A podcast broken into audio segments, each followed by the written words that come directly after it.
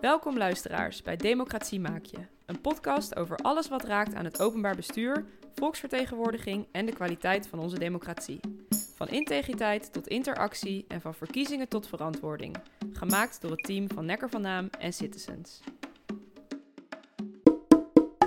Zo, Sjoerd, we gaan vandaag naar de, nou, de last man standing in deze podcast. De laatste heer die we gaan interviewen. Juist, Guus Kokken van eh, Waalwijk gaan we naartoe. En om de, nou te zeggen dat hij nog echt standing is, ik weet niet, hij is wel net met pensioen. Ja, hij is al met pensioen. En, en sterker nog, eh, als we straks naar hem toe gaan, dan eh, is hij ook al een paar maanden, geloof ik, in het buitenland geweest.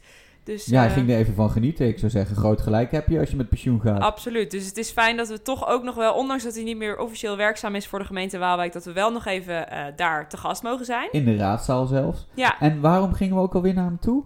ja Waalwijk, ehm, nou, is misschien niet de, de eerste gemeente waar je aan denkt, maar Guus is eh, uiteraard ook weer een griffier van het eerste uur. En sterker nog, ook een, een geboren getogen Waalwijker. Waalwijker, zeg ik dat goed? Ehm, waardoor hij nou eigenlijk de gemeenschap ook best wel goed kent. En, En hij heeft ehm, ook echt geprobeerd die gemeenschap in de raadzaal te brengen, heb ik begrepen. En het debat meer centraal te stellen. Ja, Maar misschien moeten we hem dat gewoon eens gaan vragen. ja we, gaan het, eh, we gaan het allemaal aan hem vragen. Ehm, we gaan op pad en... eh, Ik zou zeggen, veel luisterplezier. Bij deze een kleine disclaimer bij de podcast Democratie Maak Je. Voor deze eerste serie zijn we in gesprek gegaan met griffiers op verschillende locaties, zoals in raadzalen of in de statenzaal. Daarom zijn de geluidsopnames wisselend, bijvoorbeeld voor wat betreft omgevingsgeluiden. Zo, daar zijn we dan in Waalwijk. Sjoerd, eh, heb je een goede reis gehad? Ja, het was fantastisch. Ja, ik stond iets in de file, want er was weer, eh, op de A50 was weer issues. Maar we zijn er en het gemeentehuis is van binnen nog best mooi. Nou, dat eh, valt inderdaad niet tegen. eh, maar we zijn hier niet voor het gemeentehuis, we zijn hier voor Guus. Ja. Guus, goedemiddag. Goedemiddag. Dankjewel dat we bij jou eh, aanwezig mogen zijn vandaag. Heel leuk dat jullie er zijn. En eh, ja, we gaan kijken zeg maar, hoe ik mijn verhaal aan al de nieuwe mensen die eh, het griffiersvak willen gaan vervullen, of daar een bijdrage kan leveren. Dus eh, leuk dat ik jullie mij uitgenodigd hebben om mijn verhaal te doen. Ja, want jij bent op dit moment al met pensioen, toch? Ja. Guus? 1 eh, februari ben ik met pensioen gegaan. En ik moet zeggen, ja, vanmorgen liep ik voor de eerste keer het gemeentehuis weer binnen. Dat is eigenlijk best een heel rare, rare gewaarwording. Beetje surrealistisch. Want je bent heel lang hier geweest. En uiteindelijk zeg maar, eh, ben je nou in één keer te gast. Want hoe lang heb je, ben, je, ben je alleen maar hier griffier geweest? Ik eh, zal een korte schets geven hoe het Nou, mij... laten we, ik wil je niet onderbreken, maar laten we beginnen bij het begin. Eh, wie hebben wij voor ons zitten? Hè? De, Ja. Introduceer je even als je. Ik als je- eh, ben Guus Kokke. Ik, eh, ik eh, ben eigenlijk zeg maar heel mijn leven lang bij de werkzaam bij de gemeente Waalwijk eh, op dit moment geweest. 45 jaar lang. In diverse functies. Dus in 75 liep ik hier achter het oude Kroppollengebouw de trappen op om mijn eh, werkzame leven te beginnen. Ik kon toen niet bevroeden dat ik het 45 jaar zou volhouden hier. En bovendien ook niet als jongste bediende uiteindelijk griffier te worden. Dus heel die carrière van 45 jaar heb ik een heleboel dingen opgepakt, zeg maar, wat we natuurlijk hier Waalwijk allemaal gerealiseerd hebben. En al die kennis en wetenschap, ja, die heb ik natuurlijk ook in mijn rol als griffier, zeg maar, eh, kunnen gebruiken. Dus ja, eh, toen het dualisme kwam, eh, ik, ik zou zeggen, ik is, dat, was... denk- is dat volgens jou een voordeel als je zo eh, gebed bent in de eigen gemeenschap en gemeente als griffier? Ik, dus, het is lastig. De, je weet natuurlijk, zeg maar, als je op de tennisclub komt of bij de schoolpoort staat en iedereen weet griffier is, dan eh, van ja, kan dit niet veranderd worden, dat. En dat je, snap je, dus er gebeurt wel iets overheen. Soms krijg je ook een heleboel kritiek over je heen. Van, nou, wat is die raad nou, weet je wel? Kan dat nou niet anders? Of eh, we hebben weinig inspraak gehad, hoe kun je het beter organiseren? Dat zijn wel dingen die je dan heel direct meemaakt. En ik vind het ook een voordeel. Want je hoort dan ook een heleboel wat er in die samenleving speelt. En die ervaringen die je door al die jaren heen hebt gedaan, in verschillende functies, die wetenschap, die kun je ook gebruiken, zeg maar, en toepassen in je rol als griffier. En dan weet je ook eigenlijk een beetje hoe de Waalwijkse situatie is. Dus je hebt ook een voorsprong ten opzichte van degene die eh, zich helemaal moet inwerken in die Waalwijkse scene. Ja. En eh, ben je ook geboren getogen Waalwijker? Ja. Oké. Ja, dus, Dus eh, dat maakt het allemaal nog, nog overzichtelijker, hè? Als, het, als je zo mag zeggen. Lijkt saai, maar ik heb wel in heel veel verschillende functies gezeten. En mijn laatste functie die ik had was bestuurlijk beleidsmedewerker. En eh, daar werd toen op een gegeven moment een dualisme ingevoerd met de Elsiga. Waarbij ik deed mee in een pilot, zeg maar, om te experimenteren. En eh, toen heb ik met een paar raadsleden, maar ik was toen eigenlijk al ook als bestuurlijk beleidsmedewerker heel actief in de raad. Eh, besluitenlijsten werden door mij gemaakt. Al die dingen die eigenlijk zeg maar, in nu ook doet, deed ik eigenlijk al zeg maar, voordat dualisme werd ingevoerd. Dus mij werd gevraagd om met een paar raadsleden die kar te gaan trekken. En was ik eigenlijk kwartiermaker zeg maar, met de invoering van het dualisme. En vanuit die rol was het eigenlijk ook wel heel logisch dat ik de vervolgstap zou maken. En eh, toen de vacature werd opengesteld, ja, was het eigenlijk ook wel bijna vanzelfsprekend dat deze jongen op die stoel kwam te zitten. En hoe was dat om te pionieren, zeg maar om die pilot te draaien? Waar, waar liep je tegenaan? Wat was bijzonder? Nou, heel bijzonder was natuurlijk, dat, dat, en dat merkte ik toen wel, dat alle raden die worstelden een beetje met van, ja, hoe gaan we dat dan doen? Hoe moeten we de praktijk uh, dat gaan doen? Want, laat me wel wezen, in de wet staan er ook als voor de rol van die griffier, staan een paar artikelen in en dat is het, daar moet je het dan mee doen. En dat was het begin ook het, het, voor mij de grote worsteling van hoe gaan we daar nou mee om? En voor de raadsleden was het iets van ja, kaderstelling, controle, uh, uh, volksvertegenwoordigende rol. Dat waren eigenlijk de drie kapstokken waar ze hun werk aan uh, moesten, moesten ophangen. Ja, dat was voor hen ook helemaal wennen, want vroeger was het vanuit het monisme, alles wat in de raadzaal gebeurde, met het college die onderdeel uitmaakte van de raad, ja, was voor raadsleden ook een hele cultuuromslag. Is dat gelukt, een cultuuromslag? Uh, in Waalwijk durf ik gerust te zeggen dat daar wel een hele cultuuromslag is gekomen. En uh, dat is, ik denk dat ik dadelijk een beetje zeg maar, het parcours ook loop hoe, we, hoe ik dan denk zeg maar, dat je als griffier uh, uiteindelijk zeg maar, die valkuilen ziet en uh, hoe je het beste te werk kunt gaan. En voor mij was het in het begin natuurlijk heel lastig. Ik kwam uit die organisatie. er werd natuurlijk met argusogen naar mij gekeken, ook vanuit die organisatie. Ehm, heel simpel, je wordt griffier. Maar dat betekent ook in je salaris wat, uh, wat anders. Dus daar werd ook een beetje met uh, van ja, moet hij nou weer uh, op die hoge post zitten, weet je wel. Dus er zijn wel dingen die toen ook wel speelden. Dat, dat, van, ik had die post ook al willen hebben. Alleen ja, vanuit die rol die je had, was het eigenlijk iets wat vanzelfsprekend werd. En ehm, in het begin was ik alleen. En bij een heleboel gemeentes toen was de bestuursondersteuning voor het college, was ook de ondersteuning voor de raad.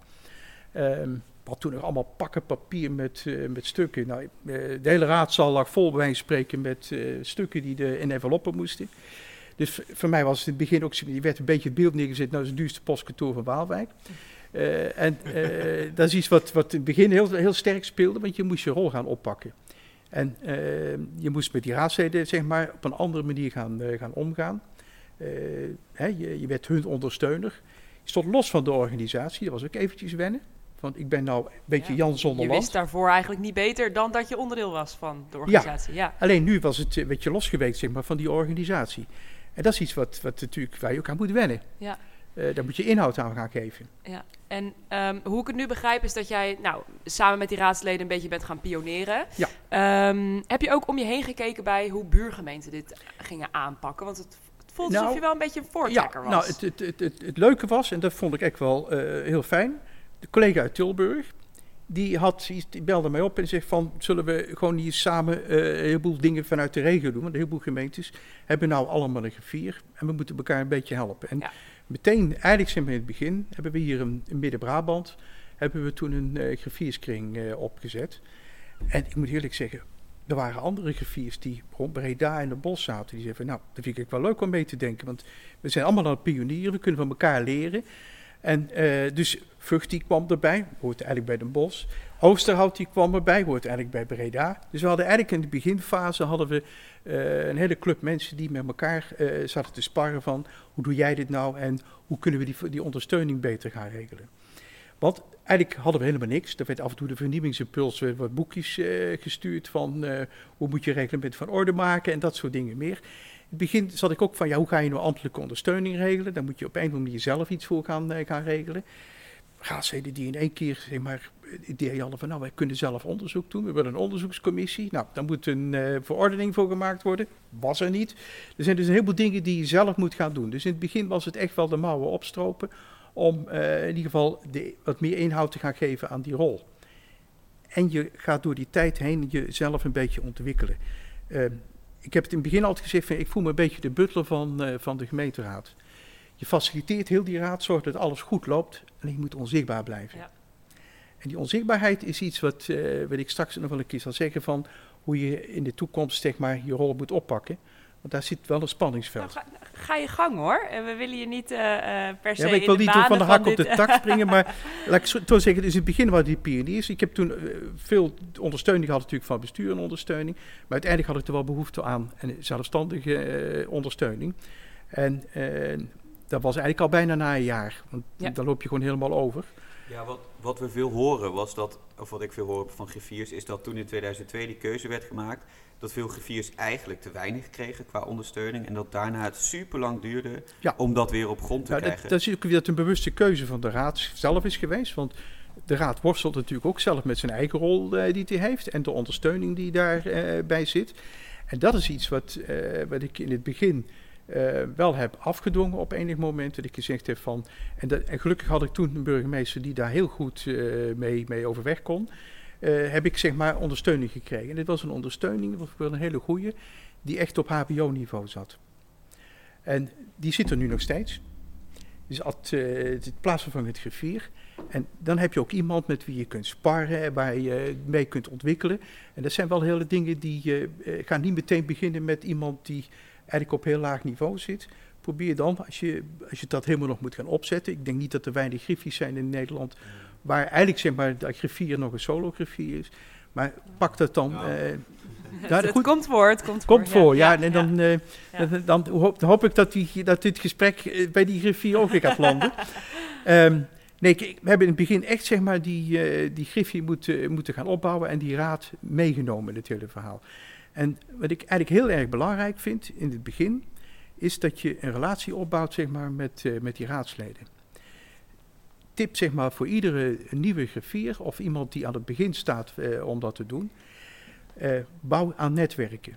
Doe dat. Ga niet de hele raad als, als geheel eh, zien, maar investeer zeg maar, in individuele raadsleden. En maak geen onderscheid tussen coalitie en oppositie. Probeer die band met ieder raadslid individueel te krijgen. Dat we- wekt vertrouwen. En dat vertrouwen kun je maar één keer eh, schaden, zeg ik altijd. Dus probeer ook alles wat je met een individueel raadslid bespreekt, ook tussen die mensen te houden. Ga niet in de valkuil zitten van Pietje heeft dit eh, gisteren tegen gezegd en dat ga ik eventjes gebruiken om met Jantje iets anders te regelen. Dat moeten we niet doen. Dus investeer zeg maar in netwerken. En dat netwerk is intern. Vooral ook met de algemeen directeur en de burgemeester. Want dat zijn wel de dingen die in de bestuurlijke driehoek een rol spelen. Maar vooral ook met de organisatie en de wethouders. Die wethouders die moeten ook een directe lijn met de griffier kunnen hebben om zaken te kunnen regelen. En de, daar moet je een goede sparringpartner voor zijn. Is dat, ehm, eh, als ik dat mag vragen, eh, misschien ook wel eens misgegaan dat je daar nu zo, dat, want je geeft aan dat dat heel belangrijk is, hè? Ja. investeer in die contacten. Ehm, is, heeft het ook wel eens verkeerd uitgepakt? Of Nou, je, je ziet af en toe wel eens, zeg maar, dat, dat als, het, eh, laat ik zo zeggen, als de politieke spanning is, dan eh, moet je als griffier zeker altijd gaan onderduiken. ja, Dus eh, ik heb een, eh, eigenlijk zeg maar direct een jaar daarna heb ik een bestuurscrisis meegemaakt, oké. waar zelfs ook de burgemeester in beeld kwam. En ja, daar moet je dan je rol gaan oppakken. En dan zit je met fractievoorzitters over de burgemeester te praten, alsof die van, heeft hij het nou allemaal verkeerd gedaan? Nee, dan moeten we hem denk ik maar gewoon hier weer binnenhalen. Hè, want hij is onderdeel van het college. Maar eh, als het college valt, wil niet zeggen dat je burgemeester eh, bij het eh, grof vuil moet zetten. Ja. Dus eh, dat is iets wat, eh, wat ik heel erg belangrijk vind. Eh, probeer je rol scherp te houden en duidelijk te houden naar die raadsleden. Ze weten wat zij je hebben. Ja. Dat geldt voor wethouders. En ook in relatie tot de organisatie. Afdelingshoofden moeten bij jou binnen kunnen lopen om te zeggen: joh, ik heb er een extra stuk. Eh, komt in één keer uit de lucht vallen, kan het nog ingepland worden in de agenda. Ja. Nou maakt de, de schaal van de gemeente daar natuurlijk wel mee uit. Ik ben Ja. nu griffier in Mils Sint-Hubert. Daar heb ik inderdaad een direct lijntje met de wethouders. Daar regelen we alles mee. Hiervoor was ik raadsadviseur in Groningen. Ja, dan, dan werkt dat toch allemaal anders. Dan, Ja. zit, dan zit er gewoon een heel apparaat tussen. Ja. Hoe eh, heb je daar nog tips voor? Of hoe kijk je daar Nou, tegenaan? Een van de dingen die ik, eh, die ik eigenlijk zeg maar, in het begin had, het was van ja, wat, eh, wat staat er op het programma voor de raad voor de komende maanden? En het managementteam had een lijstje met onderwerpen wat er kwam. Het college had een lijstje met onderwerpen. En ik had een lijstje. Er is maar één lijstje wat telt. Dus het lijstje van de griffier. En toen dacht ik van ja, daar moet ik iets voor gaan organiseren. En dan kom ik weer in die samenwerking. Ehm, moet ik zeggen, eh, zeg ik tegen alle griffiers, gluren bij de buren, om het zo te zeggen. Eh, je mag ook best iets jatten bij een ander, als je er de ander goed bij betrekt. Beter goed gejat dan eh, slecht bedacht. Precies. Ja. En ook een van de eerste dingen die Jan-Dirk Pruim ooit gezegd heeft van Almere met zijn politieke markt. Jongens, kom bij ons op de koffie. En eh, wij- zijn niet uniek. Hè. Eh, je eh, pak het gewoon mee, snap je? Hier ligt het voor jullie. Want je, kost, je ziet ook gewoon dat je ontzettend veel tijd en energie nodig hebt om een steen te verleggen, hè, als het gaat in gemeenteland. De, heel belangrijk is dat ik toen ook met Tilburg de afspraak heb gemaakt, we gaan die termijnagenda maken. En die termijnagenda, want de raad gaat over zijn eigen agenda, staat er in de gemeentewet. Dat is niet de agenda die alleen voor ligt. Dat heb ik van meter van gezet, dat is ook de termijnagenda. En ik eh, wilde eigenlijk voorkomen dat de ene raad niks had op de agenda. En de volgende raad puilde het uit van zware onderwerpen. En die werden allemaal door de strot geduwd eh, door de raad. En dat is iets wat we gezegd hebben van, dat moeten we gaan veranderen. En eh, veranderen is iets wat, wat je heel st- strategisch op een slimme manier moet doen. Betrek daar ook de raadsleden bij. Bij alle veranderingen die je doet, maak een werkgroepje van raadsleden en laat die vooral voorsorteren. Heb je meteen ook de draagvlak in die raad eh, georganiseerd. En eh, wat ik altijd zeg, ga niet voor de troepen uitlopen als griffier. Daar hoor je niet te staan. Je hoort eigenlijk in de tweede linie te staan. Die raad, die staat aan de frontlinie. Dus die moet je ook gewoon op een goede manier gebruiken om een eigen positie te verbeteren. Ehm, ben je altijd blijven ontwikkelen in de afgelopen, wat, nou ja, wat is het, 18 jaar? Ja. Ehm, want hè, Wat ik net al zei, die bij... termijnagenda was een Ja. cultuurschok. Want de organisatie Oh, ja. moest in één keer bij mij op de deur kloppen van... Guus, heb je even tijd? Want kunnen we dit nog aan de agenda toevoegen? Wij, Eh, ja. Dat is iets wat, eh, wat ik wel meteen ook strak heb georganiseerd. Waar ik ook een agendacommissie voor nodig heb. Om dat op een goede manier eh, te doen. Die ook regelmatig klaagt van... eh, heeft die organisatie wel in de gaten eh, dat er ook een gemeenteraad is. En eh, plannen ze dat ook wel op een goede manier onderwerpen. Want sommige onderwerpen komen één keer oppoppen. En die waren al heel lang bekend, die zaten al in de pipeline. Dus dat had je ook al lang op die termijnagenda kunnen invullen. Dus dat is wel een cultuuromslag die, die gemaakt is.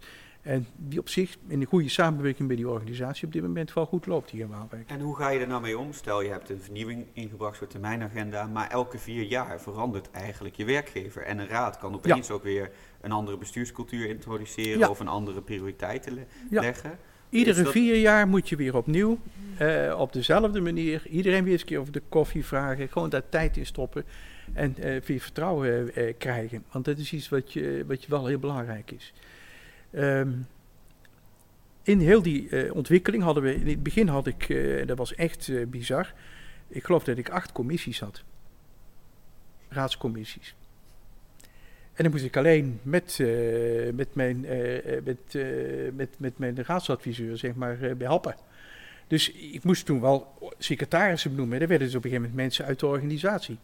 Ja, dat is het verschrikkelijkste wat je kunt meemaken. Dus ik heb op een gegeven moment ook die commissies zeg maar, samengevoegd. Maar dat was op initiatief van de raad, van we willen een commissie Nee, dat was, dat was ook van de raad. Dat was nog in het begin zeg maar, van, Ja? het, eh, van het monisme. We hadden we eh, commissie financiën, hadden we commissie eh, ruimte, hadden we commissie openbare werken. Zo had ik een, een aantal van die commissies die Ja. allemaal opgehangen waren aan het organisatiemodel. Ja, ja. Nou, dus dat heb ik allemaal samengevoegd dat het behapbaar werd, ook voor raadsleden. Want eenmansfracties die konden natuurlijk helemaal niks. Die hadden wel een commissielid wat ze konden toevoegen, maar die konden niet bij alle onderwerpen zijn. En op een gegeven moment kreeg je ook het signaal eh, van, ja, wij, wij zitten in de raad te herhalen wat er in de commissie eh, besproken is. Wij willen eigenlijk iets anders. Ja. En eh, burgers die kregen vijf minuten inspreektijd en werden afgekapt en eh, dat was het dan. Ja. Dus we hebben, ik heb toen met, eh, met, eh, met, eh, met, de- met de Griffie hebben we toen gekeken van hoe, gaan, hoe kunnen we dat gaan doen. Toen hebben we een werkgroep communicatie van de raad ingericht. En dat was een heel leuk traject. We hebben dus gezegd van nou, hoe kijken we eigenlijk aan zeg maar, het vergadermodel? Kunnen we daar nou iets anders mee doen, waardoor die burgers zich beter eh, gehoord voelen? En aan de andere kant ook de raad zijn eigen positie heeft. En we hebben toen eh, vragenformulieren uitgezet, enquête uitgezet. En we hebben een heleboel gesprekken gevoerd, ook met mensen die ingesproken hebben. Oké. Die hebben op de koffie gevraagd. We hebben gesproken met raadsleden, fracties. We hebben gesproken met het college, de ambtelijke top. Van hoe kijken jullie nou aan zeg maar, tegen dit vergadermodel? En we willen eigenlijk zeg maar, naar een andere manier van werken. Dan hebben we eigenlijk zeg maar, eh, via het BOP-model, bekend allemaal, hè, eh, eh, eh, oordeelsvorming, besluitvorming en eh, beeldvorming. eh, hebben we volgens het BOP-model zeg maar, het vergadersysteem gaan inrichten. En uiteindelijk is daar een heel leuk tenminste, ik vind het een heel leuk eh, model uitgekomen. ehm, waarin we de burgers zeg maar, veel meer plek hebben gegeven. We hebben iedere, iedere donderdag, zeg ik altijd, is het clubavond. Eh, dat is iets wat, eh, wat je gewoon als raadslid moet weten. Eh, dat, het is niet zo één keer in de maand. Nee, als je als raadslid bent, dan moet je ook iets, iets betekenen voor de samenleving. En dan moet je niet voor weglopen. Dus iedere donderdagavond, clubavond. En de ene donderdag, de eerste donderdag, hebben we ingeruimd voor het college. Die mogen dan een onderwerp bespreken, zich onderwerpen bespreken die op de termijnagenda voor de volgende cyclus staat, niet voor de lopende cyclus. Anders wordt het te veel gemanipuleerd. Ehm, dus dat is de, de, de, de, hetgeen wat het college zeg maar, de ruimte krijgt om de raad te doen. Eigenlijk een beetje wat ze bij de commissies konden doen. Hè, die twee taken die de commissie had. Eh, en nou, we hebben dus een eh, vergadermodel ontwikkeld waarin we eh, iedere donderdag het Waalwijks podium bieden aan de samenleving. Die kunnen zich voor 12 uur op de donderdag aanmelden. Ik heb een brief of petitie of een initiatiefvoorstel. Foto's of een presentatie. Presentatie, de schermen gaan ja. omlaag, ze kunnen zich helemaal eh, presenteren. Ja. Dat is een half uur, want daarna gaan we toch echt met het volgende programma beginnen. En als Griffie heb je ook een beetje, omdat het iedere donderdag is, ook de mogelijkheid om het een beetje te doseren. Rijden. Ja. Nou, Er wordt er eh, veel gebruik van gemaakt. ja. er wordt veel gebruik van gemaakt. En eh, er worden soms ook via petitie.nl hele eh, dingen gedaan, zeg maar, waarin dan stapels eh, papier worden overhandigd, waarin mensen zeg maar, een mening hebben gegeven over een bepaald belangrijk onderwerp. Wat zijn de belangrijke onderwerpen in Waalwijk? Nou, kijk, wat ik zo zeg, Waalwijk is eigenlijk een gemeente die een beetje tussen tafellaken en servet in zit, zeg ik altijd. Ook een beetje in de Butler-termen te blijven. Ja, eh, klopt. Nee, kijk, Waalwijk ligt tussen Den Bosch, Tilburg en Breda. Eh, op een zodanige afstand dat eh, de, de centrumvoorzieningen die in Tilburg, Den Bosch en Breda zitten, dat die eigenlijk zeg maar overstijgend zijn ten opzichte van Waalwijk. Maar Waalwijk heeft wel een hele belangrijke werkgelegenheidsfunctie. Ehm, je ziet zeg maar op eh, Waalwijk, als je hier voorbij komt, eh, dan zie je op, op een aantal dingen die heel, heel erg opvallen. we zitten op transport, maar vooral op logistiek zijn we de, met Tilburg samen nummer 1 de logistieke hotspot van Nederland. Bol.com zit in Waalwijk. Eh, mannenmakers met al zijn meubelboulevard en hele toestanden zit in Waalwijk. Ja. Alle Nokia's en dergelijke, die komen via Singerion. Daar staat een gigantische hal, zit vol met computers en dergelijke. Waalwijk heeft in de periode waarin die schoen- en lederindustrie zeg maar teloor is gegaan, in de, in de feitelijke industrie, heeft een omslag gemaakt zeg maar, naar eh, een hele andere manier van eh, dienstverlening. En dat is iets wat Waalwijk wel groter maakt dan de gemiddelde gemeente die je ziet. Ja. En Waalwijk eigenlijk wat het centrumfunctie heeft op werkgelegenheidsgebied, op eh, arbeidsmigrantenhuisvesting, zijn we op dit moment voorbeeld van Nederland, hoe we hier in Waalwijk zeg maar, dat hebben georganiseerd. Nou, dat soort thema's, arbeidsmigranten, en het schuurt zeg maar, zeker met de kerst, dan moeten er een paar duizend extra komen. Eh, schuurt het ook zeg maar, met die samenleving, want de huisvesting van arbeidsmigranten is iets wat een spanningsveld geeft in die Nou, samenleving. het is grappig dat je, of dat, dat je dit aanhaalt als thema. Want ik kwam naar binnen en er staan natuurlijk de RIVM-coronamaatregelen. Maar die staan hier in het Nederlands, in het Engels en in het Pools, Ja. meen ik, op de Ja. deur. Ja, Ja, we hebben hier een Poolse supermarkt in Waalwijk. ja, ja. Dus, Dus die de, zin, de, de- ja. we hebben hier grote eh, gebouwen staan, zeg maar, waar een paar honderd Polen in gehuisvest zijn. Op het industrieterrein, maar ook zeg maar, bij de meubelboulevard. Ja. Ja, dat zijn dingen die, eh, die op dit moment wel schuren. En waar raadsleden eh, ook regelmatig zeg maar, het college op willen aanspreken. En waar mensen zeg maar, komen inspreken. Het is een Bij onderwerp, maar je ziet het ook zeg maar, bij andere thema's. Een van de dingen die we eh, als raad, waar ik in het begin ook heb gedaan, is van we gaan als raad zelf zeg maar, de boer op naar de samenleving over belangrijke onderwerpen. En dat betekent dat we ergens in een groot schoolgebouw gaan zitten. Ja. En daar komen soms een paar honderd mensen op af. Om het thema te bespreken. Die pakt vooral een onderwerp wat, waar je denkt van nou, daar vindt de samenleving wat van. En eh, daar komt dan uiteindelijk, zeg maar, eh, gaan we dan in klaslokalen gaan we discussiëren, zeg maar, met de burgers onderling. Er wordt allemaal verslagen van gemaakt. Hartstikke leuk. Daar maken we een groot verslag van. Dat bieden we aan het college aan. Als input, zeg maar, voor eh, raadsbehandeling. En dat zal in het raadsvoorstel wat er komt, zullen de resultaten van die, van die, van die bijeenkomst, zullen ook, zeg maar, zichtbaar moeten zijn. En eh, organiseer je dat soort dingen, hè, want de raad vraagt daar waarschijnlijk om. Ja. Eh, dat organiseer je helemaal als Met Griffie? Griffie, ja. Gewoon van A tot Z? Ja. Oké. Is echt Ja, de mouwen en- opstropen. En, en daar vraagt de raad dan echt of? Of, of geef je als gif Nee, we hebben dus even terug naar het vergadermodel. We hebben dus de eerste hebben dus Ja. de, de input, zoals het college zeg maar de raad input kan geven voor de dinges, voor de besluitvorming van onderwerpen die ook nog op de termijnagenda staan. De tweede avond, en dat is een hele leuke, eh, en dat is iets wat best, denk ik, gewoon in Nederland niet zoveel voorkomt. Eh, de tweede avond hebben we de agenda van eh, de raad in de A-raad staan. En de A-raad is de raad zeg maar, waar de akkoordstukken worden vastgesteld. Dat is eigenlijk de raadsagenda voor die cyclus. Burgers hebben het recht om een onderwerp op die agenda te agenderen voor het forum. En het forum vindt voorafgaand plaats aan de A-raad. Dat gebeurt hier in de zaal. Dan zetten we een lagerhuisopstelling neer. En een raadslid is gespreksleider. Het college heeft daar geen enkele rol in. De wethouder mag nog op het eind een reactie geven. Maar dan kunnen burgers zeg maar, discussiëren met de raadsleden over het onderwerp. En het resultaat van die avond nemen ze natuurlijk mee in de afweging of een raadslid een hamerstuk is of dat ze het toch willen hebben voor de eh, B-raad. Ja. Dus er zijn hele leuke avonden, wat soms helemaal vol zit hier. En eh, er zijn ook soms onderwerpen waar ik van ja, dit is te vol, moeten we meteen in de halle scherm mee neerzetten. Dus eh, daar- dit is iets wat burgers wel, als het een onderwerp is wat dat doet, wat burgers wel eh, raakt en er ook komen. Ja. En op die manier wilde ik eigenlijk ook die verbinding maken tussen die samenleving en die raad. Want die kloof was gewoon ontzettend goed. Het was naar, eh, groot, het was een naar binnen toegerichte bestuurscultuur. Die ik echt heb willen openbreken, zeg maar, om die raadzaal hier ook die burgers. En dan zie je raadsleden heel angstig worden in één keer. Want die, eh, vroeger was het in de, in de verborgenheid zeg maar, van het systeem. Konden ze gewoon niks doen of wel een heleboel dingen doen. Maar nu moeten ze in één keer verantwoording afleggen aan, eh, aan, die, aan die samenleving zelf. Dus die confrontatie was in het begin ook voor raadsleden best wel heel even lastig.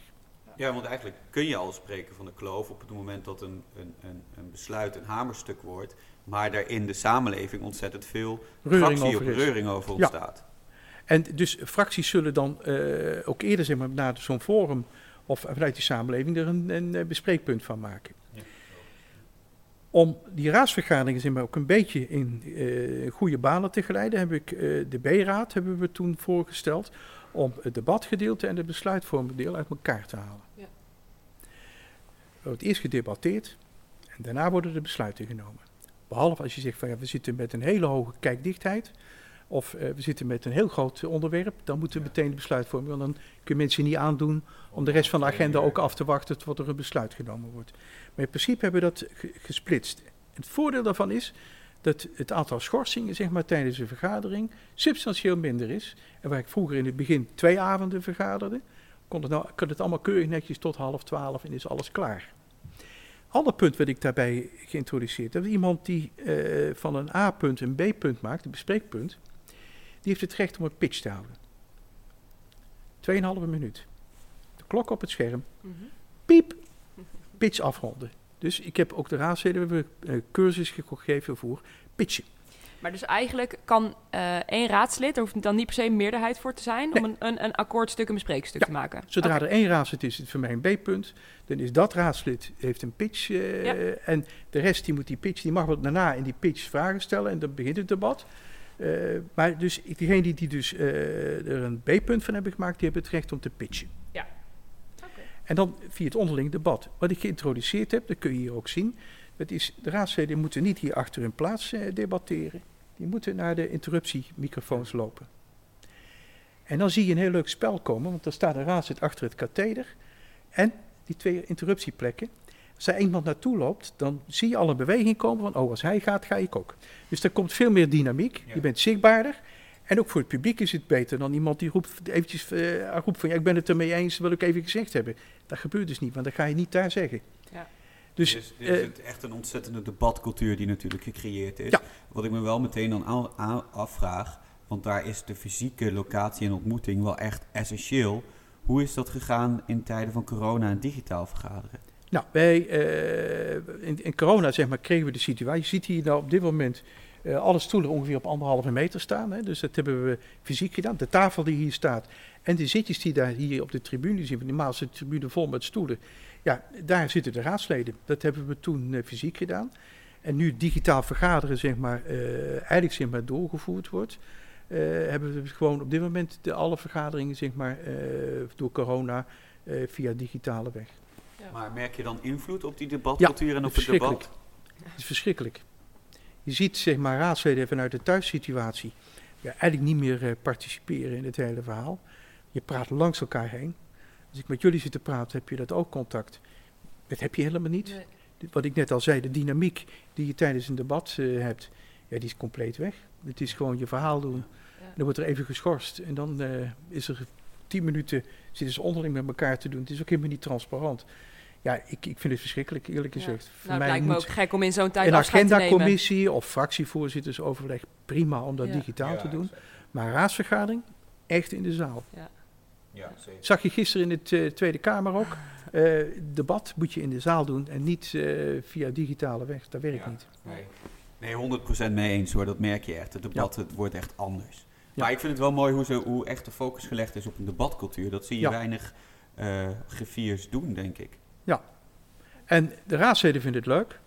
Wethouders zie je dan helemaal soms eh, helemaal zich verbijten, zeg maar. Eh, soms denken van, wat is dit nou voor niveau? En snap je, dat soort dingen hoor je dan. Terwijl ik dan denk van, ja, wij krijgen de raad die de kiezer, zeg maar, heeft bepaald. En daar moet je het mee doen. Dat is jouw gereedschap, waar je als griffier mee aan de slag moet. En ehm, eh, naar nieuwe griffiers toe, die echt jong zijn. Dat is een van de, de onderwerpen die jullie, zeg maar, zeiden van, daar zouden we graag iets meer over willen weten Zeker. zou ik als, als tip willen meegeven, ga niet te hard. Eh, de veranderen is iets wat eh, zijn proces nodig heeft, wat, waar je ook zeg maar, draagvlak in die raad voor moet zoeken. Wat ik al zei, ik heb toen die werkgroep, eh, werkgroep communicatie erin gezet. Die mensen heb ik in de schijnwerpers gezet en als griffier ben ik eh, op de achtergrond gebleven. Dat is de beste manier zeg maar, om ook als griffier en je positie binnen die raad te verstevigen. En eh, je, je rol als griffier zeg maar, eh, ook op de achtergrond in- invulling te geven. Want uiteindelijk schrijf jij het stuk. En eh dan word je ook doorgewaardeerd door de raad. Alleen griffiers die heel naar buiten toe treden. Ja. Kijk, wat ik al zei, ik ben de butler geweest. Je bent van de butler ben naar een soort impresario gegaan. Waarin je op de achtergrond toch een beetje de, de, de raadsleden helpt zeg maar, om van hun instrumenten gebruik te maken. Soms ook extra ondersteuning geeft bij, schriftelijke, bij schriftelijke vragen die gesteld worden en dergelijke. Dus je moet die rol eh, ook in de luwte eh, doen. Alleen je ziet nu zeg maar eh, steeds meer die doorontwikkeling van die griffie naar iemand zeg maar, die waker is over het democratisch proces. Ja. En die procesbewaker is iets wat denk ik veel meer naar de inhoud toe gaat. En wat ook denk ik gewoon eh, veel meer spanning oproept. Ja. Ook ja. binnen de raad, maar ook in de verhouding tussen college en ambtelijke organisatie. Maar dan moet je als jong griffier, heb je nog een hele weg te gaan voordat je eigenlijk zeg maar, in die positie eh, eh, geaccepteerd wordt. Ja, dus eigenlijk rustig aan eh, eh, laten in, inwerken op de mensen. Ja, het eerste half jaar is gewoon om je heen komt. kijken wat gebeurt er. Want Ja, een van de eigenschappen, en die heb ik wel gelukkig, zeg maar, je hebt politieke sensitiviteit nodig zeg maar, om dat vak te kunnen doen. Maar dus, ik vind het een van de mooiste eh, eh, jobs die er eigenlijk in gemeenteland is. Je bent helemaal, je doet je rol in het, in, het centrum van de democratie, in de politieke spanning die je af en toe meemaakt. En eh, daar moet je je werk doen. En je, je, moet op, je moet op een goede manier kunnen bewegen. Uit die wind blijven, maar wel zorgen dat er wind is. Want als er geen discussie is, is er ook geen democratisch spel. Een democratisch spel is alleen maar eh, gebaat bij tegenkracht en eh, kracht en tegenkracht. En dat goede spel, zeg maar, daar heb je als griffier ook je rol in. Ja. Adviseer raadsleden of ze een interpellatie houden of dat ze met een Ja. motie moeten komen. Dat Ja. zijn dingen waar je moet inschatten, heeft het op een of andere manier nut? ja. Snap je? En dat Welk zijn dingen die, die dan, dan zit je wel in het politieke krachtenveld eh, te opereren. En dat is iets wat, eh, wat ik heel leuk vind. Ja, nou, dat is volgens mij ook een hele concrete tip eh, die je meegeeft. Ja. Dus die eh, eh, schrijven wij zeker op. Ehm, ik denk dat we door kunnen gaan naar het volgende onderwerp Ja. eigenlijk. Want wij hebben een specifieke rubriek in het leven geroepen. Ehm, de luisteraars kennen hem inmiddels al wel. Dat is de Nekker Noodlijn. En in de Mhm. Nekker Noodlijn krijgen wij vragen van, van collega's die op andere griffies aan de slag zijn. ehm, en die ergens tegenaan lopen of die ergens mee zitten. Mhm. dus daar gaan we even naar luisteren.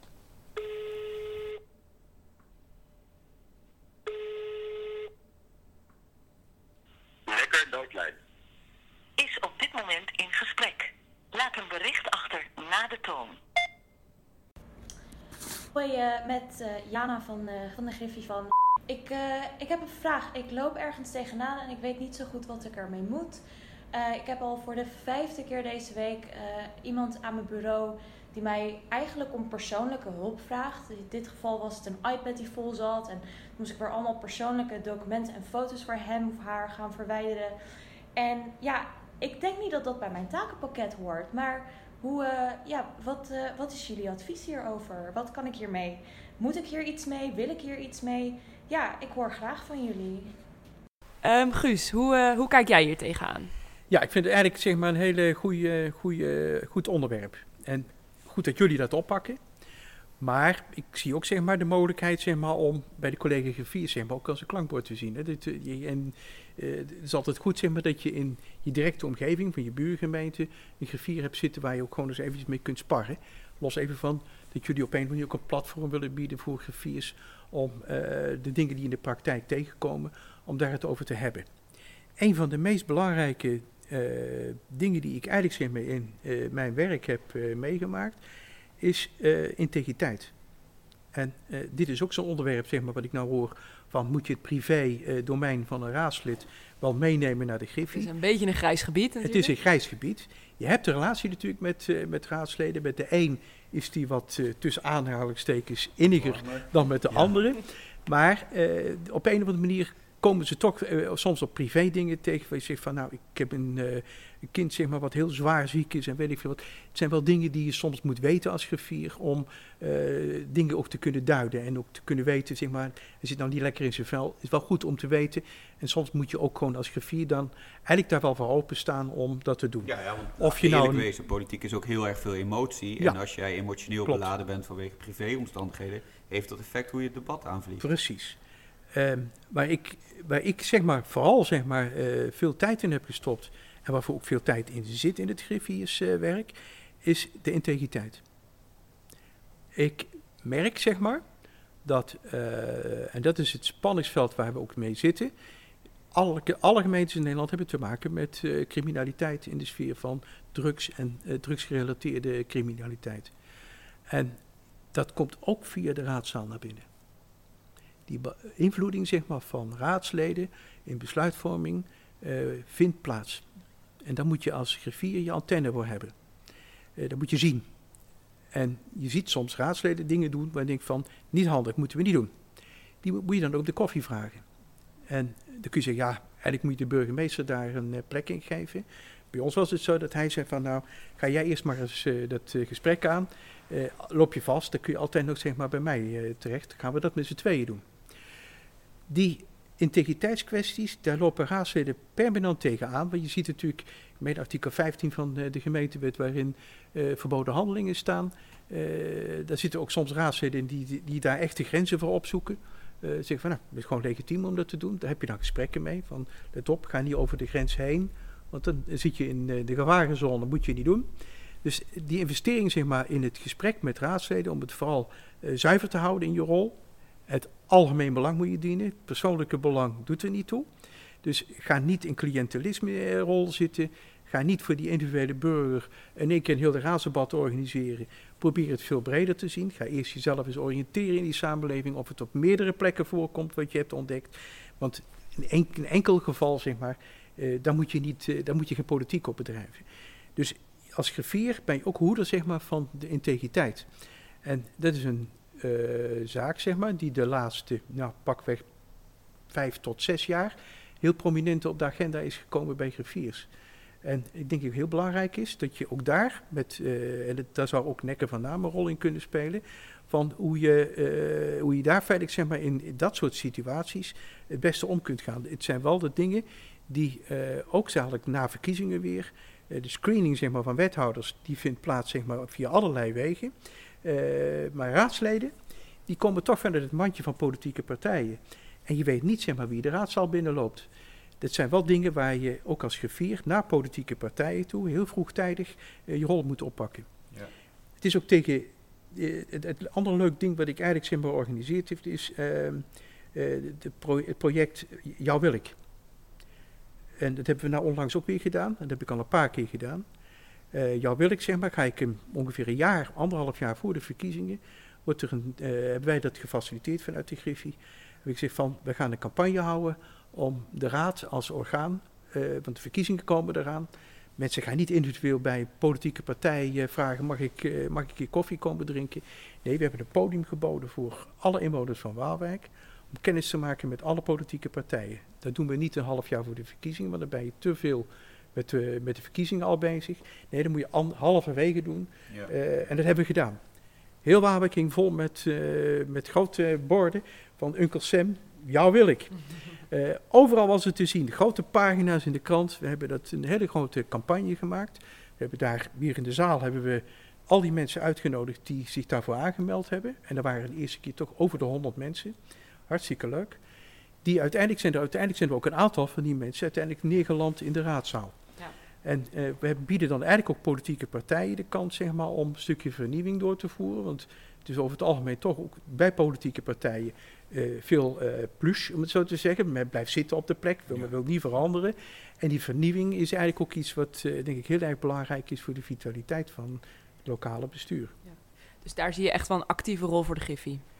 Ehm, ik denk dat ge- sommige griffiers denken van dat moeten we niet doen, want het is politiek. Ik heb altijd op het, ik heb altijd op het standpunt gesteld van we moeten de raad als bestuursorgaan moeten we echt eh, onder, de, onder het voetlicht brengen bij de samenleving.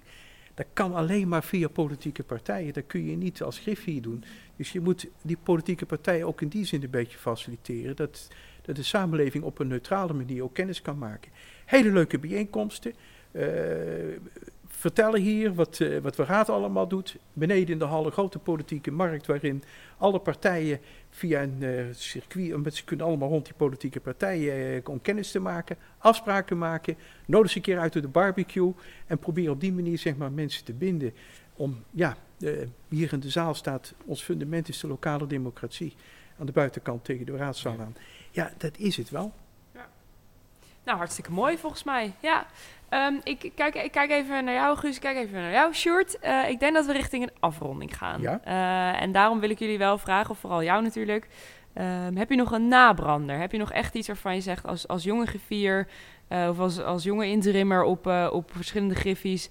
neem dit mee, want dit is echt een belangrijke les.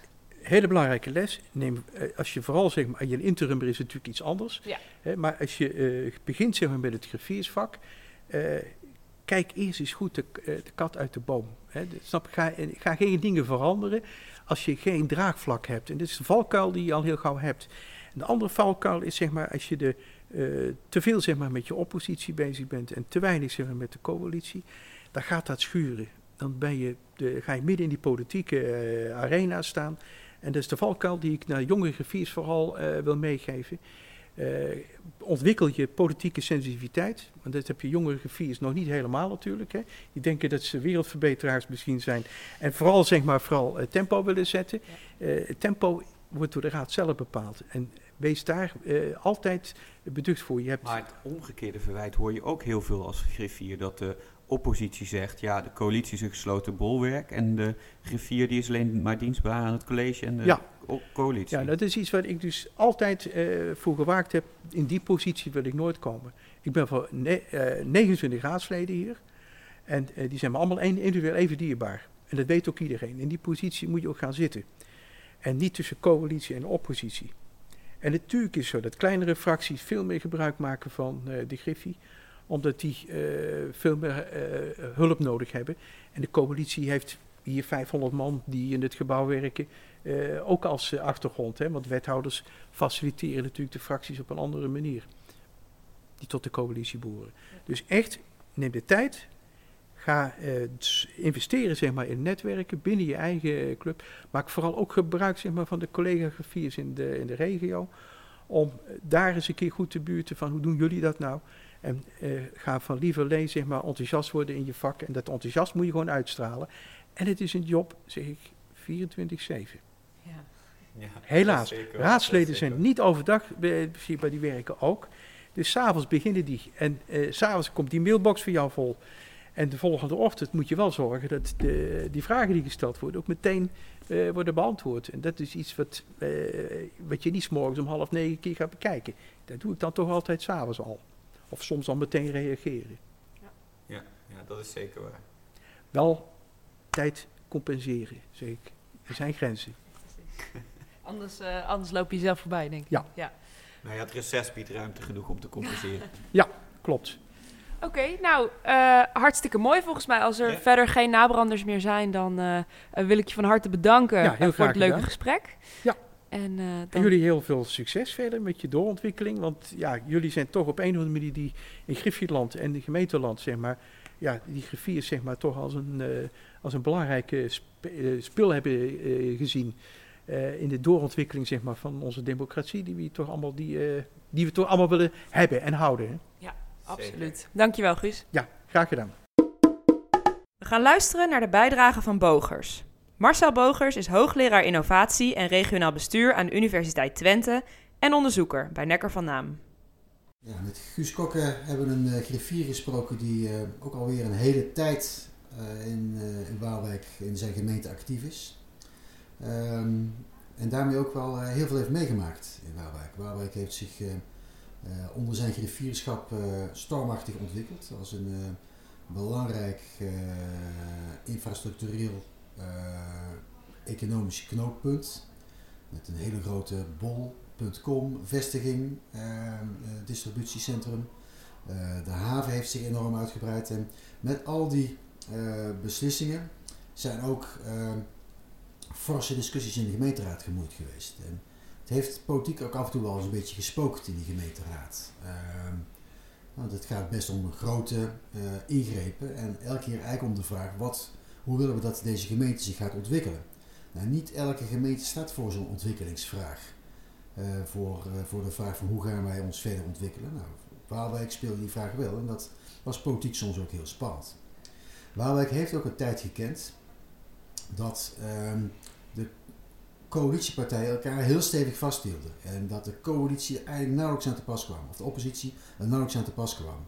Eh, daar ook steen en been over klaagden. En ook vaak aan eh, Guus vroeg, eh, ehm, ja, doe daar eens wat aan. Help ons daar eens in mee. En dat is een heel lastige rol die je als griffier eh, te vervullen hebt. Dus dat je enerzijds eh, oppositiefracties hebt, oppositieraadsleden hebt, die op een of andere manier toch eh, gaten of bressen zien proberen te slaan in, in, de, in de muur die de coalitie heeft opgeworpen. En anderzijds moet je toch als griffier neutraal en onafhankelijk blijven. Dat is echt super, super ingewikkeld. En daar heeft, heeft Guus eh, ook, ehm, ook eh, ja, dat, dat evenwicht heeft hij al weten te behouden, maar het is altijd wel erg ingewikkeld eh, geweest. Ehm, dat is ook een belangrijk thema wat hij ook aanroept, is nou hoe ver ga je als griffier in je ondersteuning? Welke grenzen geef je aan je ondersteuning? En natuurlijk dat je maximaal, dat je maximaal probeert te ondersteunen, dat is heel goed, maar het gaat ook altijd om het vinden van het juiste evenwicht. Vinden van het juiste evenwicht in het ondersteunen van de oppositie versus, eh, versus eh, de coalitie. Dat geen van al die eh, raadsleden, raadsfracties het idee heeft dat de ene raadsfractie wordt bevooroordeeld ten opzichte van de ander. Ehm ander belangrijk punt is, ehm, en daar is griffier ook verantwoordelijk voor, die verantwoordelijkheid heeft eh Guus ook altijd wel genomen, is dat als je merkt dat het in een raad wat minder lekker loopt, dat de onderlinge verhoudingen in een raad wat minder eh, goed gaan, dat je daar als griffier ook even stevig in durft te interveneren.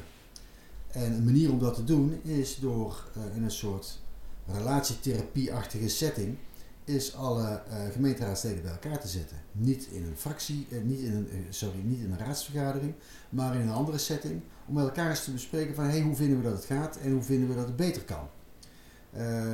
Dat, af en toe is dat dus nodig. En eigenlijk zou elke raad dat eh, eh, minstens twee of drie keer per raadsperiode moeten doen. Is met elkaar eh, de vraag stellen, hoe vinden wij dat wij als gemeenteraad tot besluitvorming komen? Hoe vinden wij dat de verschillende geluiden tot hun recht komen? Hoe vinden we dat het spel, het samenspel tussen raad en college gaat, maar ook dat het samenspel binnen de raad gaat tussen de verschillende fracties? En hoe kunnen we dat versterken? Nou, daar heeft Guus altijd een heel belangrijke rol gespeeld. Uh, Guus gaat binnenkort uh, met pensioen, dus uh, hij, kan daar, hij, kan daar, hij kan daar denk op heel veel van dat soort ervaringen terugkijken. Maar daar heeft hij een heel belangrijke rol in gespeeld. En dat is denk ik een heel belangrijk voorbeeld ook voor andere griffiers. Is dat je ook verantwoordelijk bent voor het functioneren van de raad als geheel. En die verantwoordelijkheid ook heel actief neemt als het nodig is. Bedankt voor het luisteren naar deze aflevering van Democratie Maak Je, de podcast van Nekker van Naam en Citizens. Deze podcast is gemaakt door Lieke Veen, Sjoerd Wanet, Brechtje de Jong en Dick van der Harst. Blijf ons volgen op social media en je favoriete podcastkanalen. Heb je ideeën of suggesties voor nieuwe afleveringen? Of heb je een vraag voor de Nekker Noodlijn? Mail ons dan op podcast.nekker.nl.